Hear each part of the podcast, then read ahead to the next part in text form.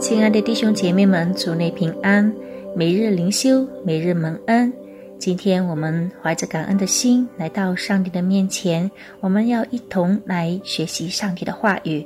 今天要灵修的经文取自希伯来书第七章，主题是合一的看待他。在我们还没有进入灵修之前，请我们低头做一个祷告。亲爱的主耶稣，我们知道在普天之下。无人能与你相比，你的作为也无人可及。因此，你所造的万民都要来到您面前敬拜你，荣耀你的名，来传扬你奇妙之事。因为唯独你是我们的真神，就求主你这时候用你自己的话语来指导、指教我们每一天的生活，使我们能够行在你光明的正道之中。感谢你。听我们的祷告，奉耶稣的名，阿明。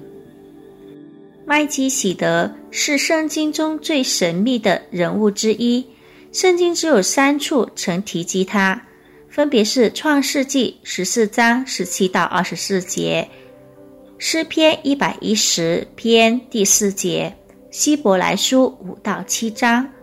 我们对麦基喜的认识不是很多，只知道他是沙冷王。及至高上帝的祭司，尽管如此，在犹太的传统中，麦基喜德被视为一位具有崇高地位的人物，甚至被认为与上帝相似。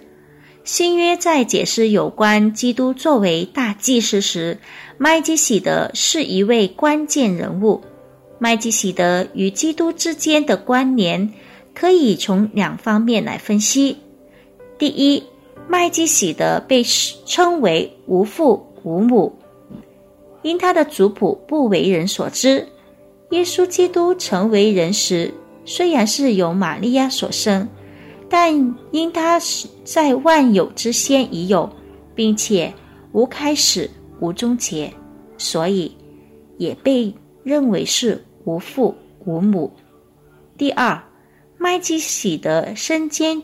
君王和祭司两职，基督借着他的位格和作为，也成就了这个称号。上述两者之间的关系，曾引发了争论。究竟麦基喜德是一位预表基督的历史人物，还是一种上帝以人形的显现？旧约圣经的大祭司都是源自于立位支派，而基督却有所不同。他是从犹大支派而出的大祭司，是按照麦基喜德的等次。再者，耶稣基督不是一般的大祭司，他要比亚伦更伟大。以下两个事实可显明这点：麦基喜德祝福亚伯拉罕。及亚伯拉罕将十分之一奉献给麦基喜德。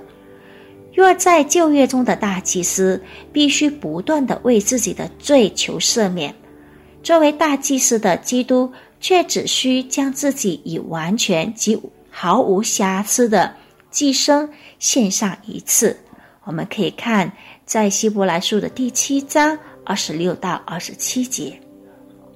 当我们读到希伯来书的作者如何在第七章详细和有序的阐释耶稣基督是谁时，他邀请我们把他视为非常荣耀的一位，比一切我们所可以想象的都更崇高的大祭司。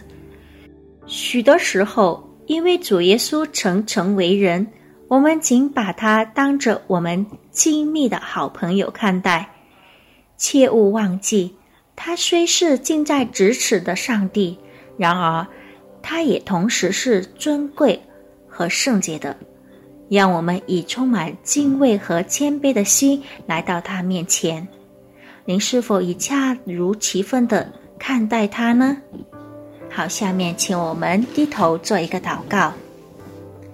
亲爱的主耶稣，我们感谢赞美你的恩典，谢谢今天的灵修，让我们对圣经里面的麦基喜德有更多的认识，使我们看到麦基喜德与耶稣虽有相同之点，但也有不同之处，因为我们看到耶稣基督是超乎万民之上，是无人能及的，因此我们真的感谢。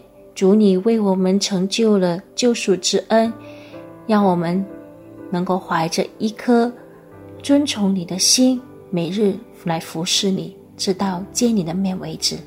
谢谢你，亲爱的主，听我们的祷告，奉耶稣的名，阿门。好，上帝祝福我们每一位，耶稣爱你。